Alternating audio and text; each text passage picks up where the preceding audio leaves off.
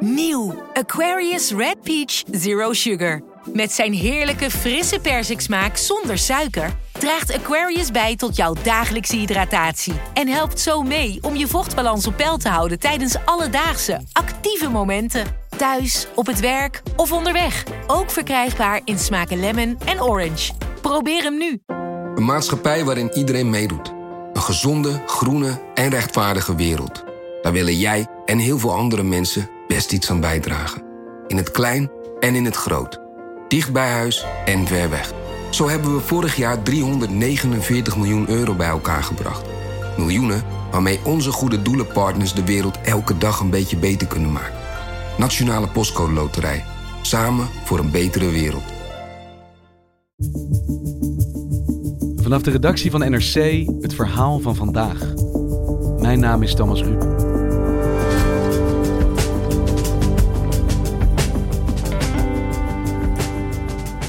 Was een daverende overwinning voor de Italiaanse justitie.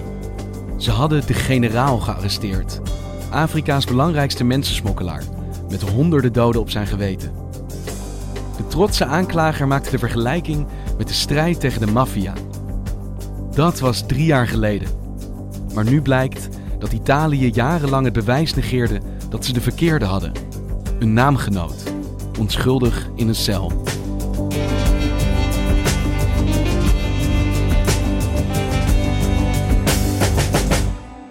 3 oktober 2013 uh, komt er een vissersboot vanuit Libië, uh, volgepakt met uh, meer dan 500 migranten naar Italië, Lampedusa. En dan besluit de schipper op een gegeven moment een doek te deppen in benzine en die in brand te steken om de aandacht te trekken van de kustwacht. En dat gaat mis. Bram Vermeulen is Afrika-correspondent en verdiept zich in de oorzaken en gevolgen van migratie. Die doek valt op het dek. Dat vuur verspreidt en uh, de mensen aan boord raken in paniek en rennen allemaal naar één kant van het schip en dat schip dat kapseist. En op die dag uh, verdrinken er 368 uh, migranten voor de kust van Lampedusa. De haven van Lampedusa is veranderd in een mortuarium. Drammatico e tragico su tutti i punti di vista. Insomma. Tra i morti anche tanti bambini. Je kunt zeggen dat Italië echt in schok is. Er zijn hulpverleners die waren hier vanavond op televisie in Italië en die zeiden... het water rond Lampedusa is veranderd in een enorm zeemansgraf.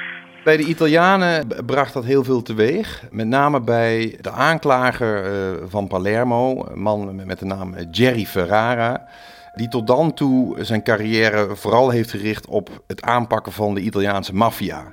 En op het moment dat hij die beelden ziet, bedenkt hij, uh, waar ben ik eigenlijk mee bezig? We spenderen maanden, jaren om, om een maffiabaas aan te pakken die misschien één, twee doden op zijn geweten heeft. En hier worden voor de kust van Italië komen 368 mensen om het leven. Dat is massamoord. En hij ziet het ook als een, als een aanval op Italië. Since Lampedusa, we started looking at the phenomenon, criminal phenomenon, as a different point of view.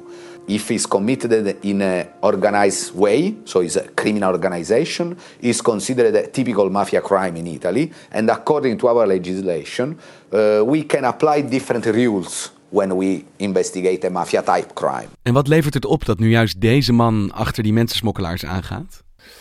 Nou, dat heeft de internationale samenwerking opgeleverd tussen in de eerste plaats die Italiaanse aanklagers met uh, de Britse uh, inlichtingendiensten en ook regeringen in Afrika om die smokkelnetwerken aan te pakken. En die krijgt dus vervolgens ruim baan om de telefoons te gaan aftappen in Libië, in Soudaan en in Italië zelf natuurlijk dat telefoonverkeer. So we started collecting the telephone numbers because nowadays the most relevant investigative tools against criminal groups is interceptions, of course, wiretappings of telephone. En dan in 2014 vangen ze voor het eerst de naam op van mogelijk de man die verantwoordelijk is geweest voor, voor deze overtocht. نقول له سب أما ترى شرح قد فقول نقول له دلالي ابرا بحاجه اخواني شرح كلكم بلا شوي بكون شرح في الفلطه تردي Medani uh, Jedego Meret. Uh, en dat is de smokkelaar waar de aanklagers zich op beginnen te richten, omdat zij ervan overtuigd zijn dat deze man verantwoordelijk is voor het zinken van, van deze boot. En dus gaan de Italianen zijn telefoon afluisteren en volgen ze zijn, zijn weg eigenlijk. Ze zien hem uh, opduiken in Libië, ze zien hem opduiken in Soudaan. En dan ergens in 2015 raken ze hem kwijt. Tot mei 2016 uh, de Britten contact opnemen met Jerry Ferrara op Sicilië en zeggen: We hebben hem gevonden met Dani. En dan twee weken later, op 6 juni 2016, wordt er iemand gearresteerd, een Eritreër, in Soudaan door de Soedanese politie. En die wordt naar Italië gebracht. The suspected head of a huge human trafficking ring between Africa and Europe has been extradited to Italy. Deze beelden gaan uh, de hele wereld over. Dus we zien een klein privévliegtuig landen op Sicilië. Daar stap uit uh, twee uh, agenten met kogelwerende vesten en daartussen een jongen. een vrij jonge jongen, ergens tussen de 20 en de 30, rood t-shirt aan en die stapt die vliegtuigtrappen af in het flitslicht van de fotograaf en de camera's die er op dat moment klaarstaan. Prosecutors say Madani, who's from Eritrea, was one of the masterminds responsible for the Lampedusa tragedy in 2013. Een beetje een Saddam Hussein-achtig moment. We got him. Uh, de generaal hebben wij gepakt. As one of the world's most wanted people smugglers, Marid Madani used to arrange life-changing journeys for others. The Italian authorities have now organised one for him, a flight to Rome and straight into detention. Dus gigantisch succes voor Ferrara. Dat is de beste dag uit, de, uit het leven of de carrière van, van Jerry Ferrara. Maar op dat moment uh, gebeurt er ook iets uh, in het noorden van Europa, in Zweden. En daar moeten we nu even de aandacht naar verleggen. In Zweden uh, opereert al jaren een Eritrees-Zweedse activiste met de naam Miron Estafana. En zij heeft een, een radioprogramma, Radio Arena, waarbij Eritrese migranten, vluchtelingen, uh, wekelijks hun verhaal doen over de overtocht van Eritrea via Soudaan, Libië naar Europa. Radio, Radio Erna. Erna. Radio Erna ካብ ከተማ ፓሪስ ዝመሓላለፍ ብኤርትራውያን ጋዜጠኛታት ዝዳሎ ነፃ ሬድዮ እዩ Zij doet al heel erg lang onderzoek naar wat er precies gebeurt op die routes. En heeft dus ook heel veel getuigenissen in haar programma gehad van uh, Eritrese vluchtelingen die vertellen hoe ze worden gemarteld, worden verkracht, worden afgeperst in Libië, in Soudaan. En daarbij duikt voortdurend de naam van die Medani op. Voor haar is heel erg duidelijk dat Medani absoluut een medogeloze smokkelaar is.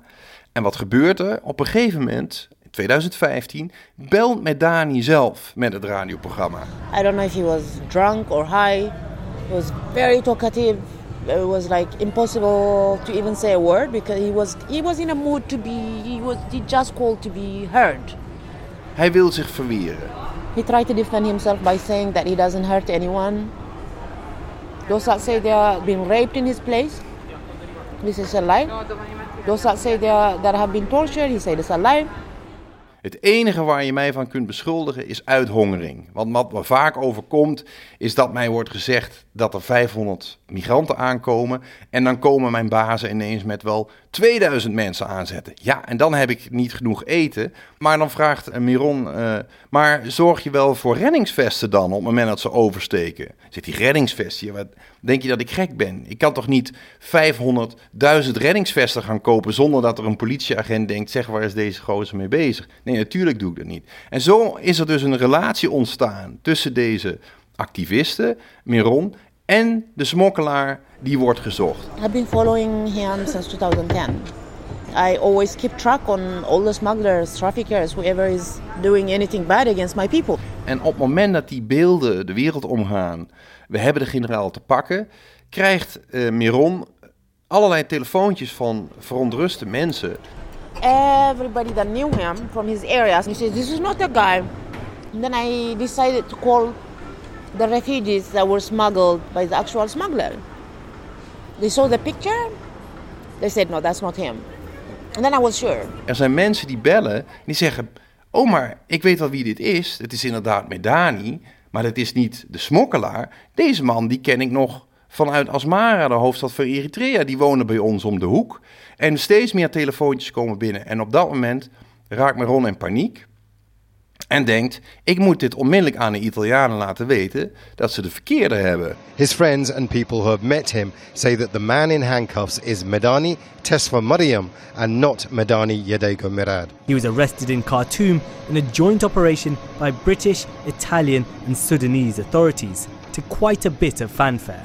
Dus die man die ze met veel fanfare hebben gepresenteerd, we got him, de spin in het web, de generaal, is mogelijk helemaal niet de generaal. Ja, en dus de, de overwinningsroes van aanklager Jerry Ferrara duurt niet veel langer dan, dan 24 uur. Maar daardoor laten de Italianen zich natuurlijk niet afschrikken. En zij beginnen de vervolging van de grootste smokkelaar van Afrika.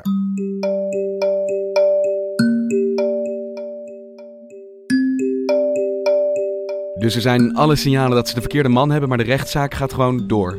De rechtszaak gaat drie jaar lang door.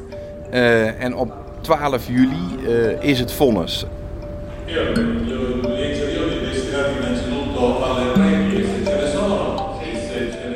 In cel nummer 15 zit Medani. Heel gespannen, zijn vingers om zijn, om zijn knieën geklemd, uh, af te wachten wat het vonnis die dag gaat worden. En op dat moment komen eigenlijk de hoofdfiguren in deze zaak ook allemaal de rechtszaal. Dus Jerry Ferrara, een man die een beetje loopt als een pinguïn. Zijn beide voeten iets uit elkaar. Opgeheven kin. Echt een man uh, van show. En dan volgt ook de advocaat, uh, Michael Calantropo. Uh, qua postuur wat kleiner dan Ferrara. Wordt bijgestaan door, door zijn stagiaire. En wat voor bewijs is er volgens hem dat ze de verkeerde man hebben? Dus dat deze Medani niet de smokkelaar, de generaal is? Ja, daar heeft die advocaat in de afgelopen drie jaar ongelooflijk veel werk voor verricht om dat te bewijzen. Dus zo is er bijvoorbeeld het medisch certificaat. Dat laat zien dat zijn cliënt op die 3 oktober 2013, de dag waarop die boot vergaat, in een ziekenhuis wordt behandeld in Eritrea, in Asmara, omdat hij gewond is geraakt tijdens zijn werk als timmerman. Dan is er bijvoorbeeld de DNA-test van zijn moeder, waarbij hij nog altijd woonde. Maar de bewijzen gaan nog verder. Zo is er bijvoorbeeld de echtgenoot van de echte smokkelaar, die in Zweden woont. Die is ooit op de boot gezet door haar echtgenoot met uh, hun twee kinderen. En die kan dus ook DNA-bewijs overleggen. Dat bewijst dat die kinderen echt van hun tweeën zijn. En dat DNA matcht absoluut niet met het DNA van, uh, uh, van de verdachte. Dan is er de broer van de echte smokkelaar. De broer van de echte smokkelaar heet Merawi en woont in Hilversum.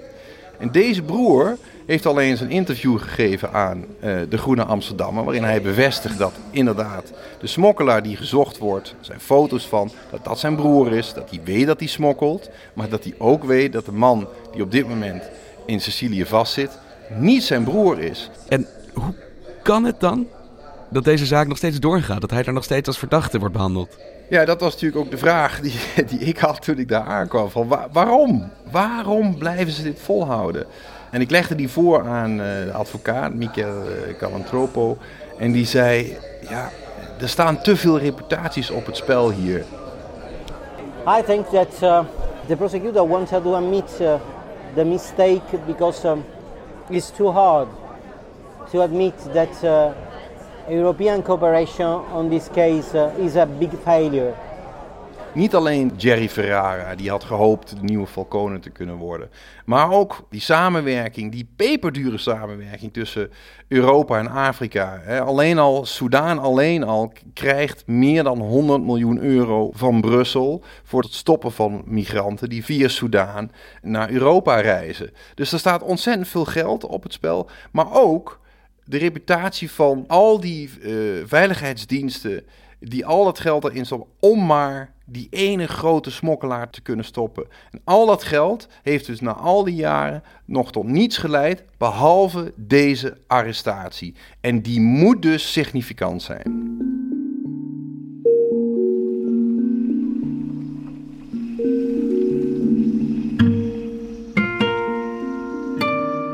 Maar het bewijst toch eigenlijk dat het hele systeem wat ze hebben opgetuigd en die technieken die ze gebruiken dus niet werken als ze met de verkeerde man zitten. Nou, wat we, de Achilleshiel uh, van deze ongelooflijk getalenteerde aanklagers is, is dat ze er niet zijn zoals ze op Sicilië waren, in Italië waren, toen ze de maffia wilden aanpakken.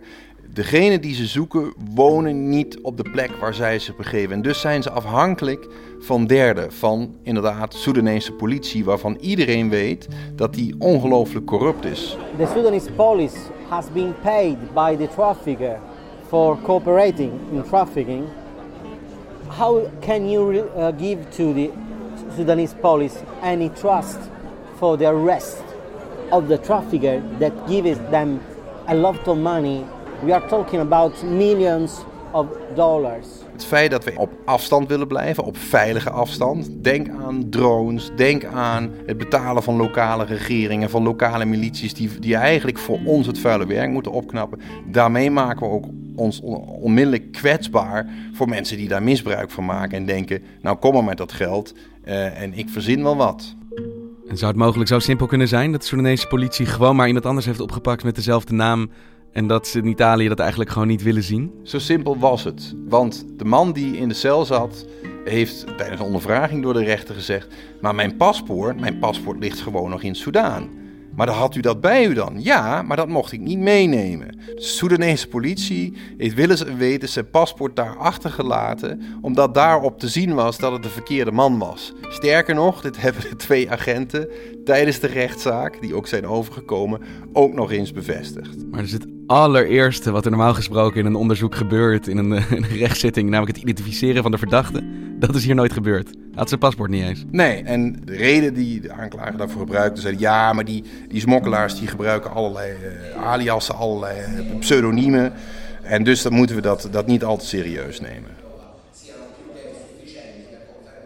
En jij bent daarbij, dus in Palermo, als er uitspraak wordt gedaan waar deze twee totaal verschillende waarheden tegenover elkaar staan. Italië dat zegt we hebben hem, dit is de man, dit is de generaal. En iedereen daaromheen verder die zegt dit is hem niet. Dus wat gebeurt er dan? Nou, de uitspraak komt, iedereen staat rechtop. En ik hoor mijn Italiaanse tolk zeggen, op aanklacht A is hij schuldig bevonden. Hij is schuldig bevonden? op aanklacht A is hij schuldig bevonden. Mensensmokkel. Een aanklacht die tegen hem is ingediend omdat hij eh, toen hij in Khartoum woonde, op een gegeven moment geld heeft achtergelaten voor twee van zijn neven. Die via Sudaan en Libië naar Europa zijn gereisd. En alleen al het overhandigen van dat geld is een misdaad volgens de Italiaanse wet. En daarvoor moet hij vijf jaar zitten. Maar zegt de rechter er vervolgens bij, omdat u al drie jaar heeft gezeten, is dat geen reden om hem nu nog in de gevangenis te houden. Vervolgens wordt hij op alle andere aanklachten vrijgesproken en bevestigt de rechter dat er sprake is geweest van persoonsverwisseling en dat deze man niet met Dani Dego Meret is. U bent vrij om te gaan. En naast mij vallen Miron, de zus van, uh, van de verdachte, elkaar huilend in de armen. Oh, Oh, man. Ja. Oh, we're so happy. Fucking Ferrara. Dus hij wordt vrijgesproken. Hij wordt vrijgesproken. En vervolgens, ehm, de volgende dag, komen we erachter dat hij in een asielzoekerscentrum is geplaatst. Uh, en dat hij dus nog niet naar buiten mag. Dus hij heeft drie jaar onschuldig vastgezeten in de veronderstelling dat hij iemand anders zou zijn. Hij krijgt vrijspraak, maar er komt geen verlossing. Het eerste wat er gebeurt is proberen hem uit te zetten weer. Ja. Maar voor zover er twijfel over was, is in ieder geval nu 100% duidelijk uh, dat hij niet de generaal is. En dan vraag je natuurlijk af waar is die generaal wel op dit moment? Ja, en dat vroeg ook de Zweeds-Eritrese activiste Meron Estafanos uh, zich af. En die is samen met een ploeg van een Zweedse televisie uh, is naar Oeganda gereisd, omdat ze van allerlei uh, Eritrese bronnen doorkreeg dat hij daar uithing. So I start going like to the bars where he hangs. Have you seen this guy? And they'll be like, yeah, he, he comes here quite often. When was he last? Oh, he was here last week. Or he comes sometimes, usually. When was the last time you think he was here? You don't remember? No. It was very a cat and mouse kind of chase that we were playing. Ze is naar de restaurants gegaan waar hij zijn maaltijden heeft. Ze kwam op een gegeven moment zo dichtbij dat het eng werd, zei ze. Want op een gegeven moment was er een geblindeerde auto die steeds achter hen aanreed. En de mensen die bij haar waren, de beveiligers, hebben toen de opdracht gegeven: wij moeten nu Kampala verlaten, anders overleef je het dus niet. Uh, maar het feit dat hij in Oeganda zit, daar is ze 100% van overtuigd. Ongelooflijk. En zij heeft dus gedaan wat de Italiaanse justitie heeft nagelaten. Daadwerkelijk achter hem aan. In plaats van je blind staren op een persoon waarvan iedereen van buiten ziet. Dit is hem gewoon niet. Ja, en ze laat zien dat, dat uh, vervolging in deze zaak eigenlijk maar op één manier kan. Je, je oor te luisteren leggen in die gemeenschappen. Uh, en dus niet door telefoons af te tappen en op, op, afstand te blijven. Sterker nog, dat is ook wat Medani op een gegeven moment zegt in het gesprek met de journalist van de New Yorker. Zegt, jullie Europeanen vertrouwen maar op de technologie. Uh, maar wij hebben middelen waar we daar makkelijk mee uh, dat kunnen omzeilen. Hè, dus met technologie ga je dit probleem niet oplossen. Dankjewel Bram. Graag gedaan. Je luisterde naar vandaag een podcast van NRC. Eén verhaal, elke dag.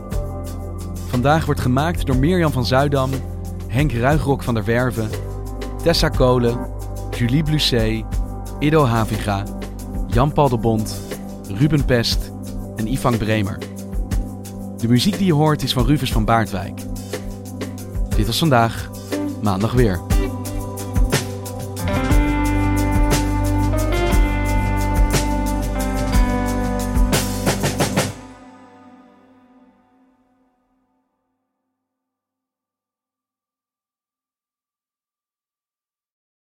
De financiële markten zijn veranderd, maar de toekomst, die staat vast. We zijn in transitie naar een klimaatneutrale economie. Dit biedt een van de grootste investeringskansen van onze generatie. Een kans voor u om mee te groeien met de pioniers van morgen. Meer weten? Ga naar carbonequity.com. Carbon Equity. Do good by investing better.